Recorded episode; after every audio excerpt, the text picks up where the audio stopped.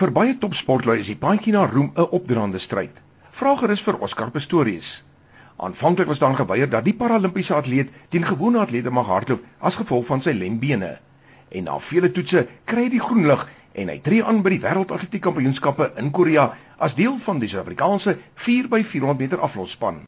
Dis Oscar Pistorius van Suid-Afrika in die binnebaan, Duitsland in baan 2, dan Japan en Korea gereed. En hulle is weg is Oscar Pistorius. Hy so 6 by die blokke en man 5 Groot-Brittanje. Die VSA aan 6. Jamaica aan 7 en Trinidad om te bygo aan 8. Maar is Oscar wat opskuif. Offensie Mogawani, hy gaan die tweede been hardloop. Daarna Willem de Beer en dan Shane Victor. Maar is Oscar Pistorius. Hy hardloop uitstekend. Hy sou tussen die voorste atlete Hier kom Shane Victor gaan Suid-Afrika die eindstryd haal. Die VSA is eerste. Jamaica is tweede. Suid-Afrika eindig in die derde plek. 'n Sprinter nuwe nasionale rekord van 2 minute 59.21 sekondes en ons is deur na die finaal. Ek dink Oscar is 'n rolmodel vir elkeen van ons, nie net in Suid-Afrika, maar reg oor die wêreld.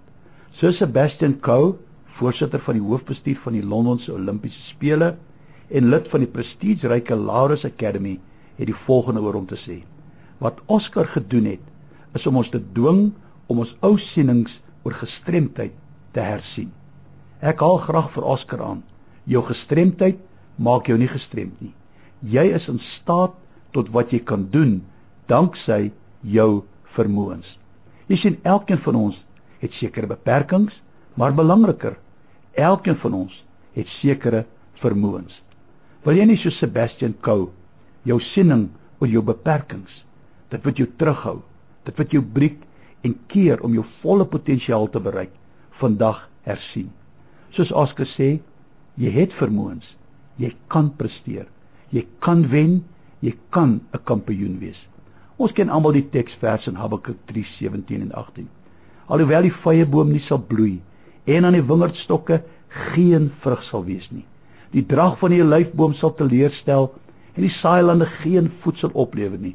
Die kleinvee uit die kraal verdwyn en geen beeste in die stalle sal wees nie.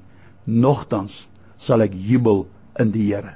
Ek sal juig in die God van my heil. Jy sien, jy het 'n keuse.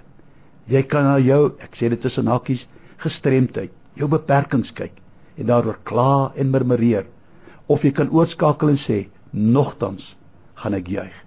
Gaan ek deurkom en gaan ek 'n wenner wees. Here, dankie vir goddelike vermoëns wat ons oor elke gebrek en elke tekortkoming laat triomfeer.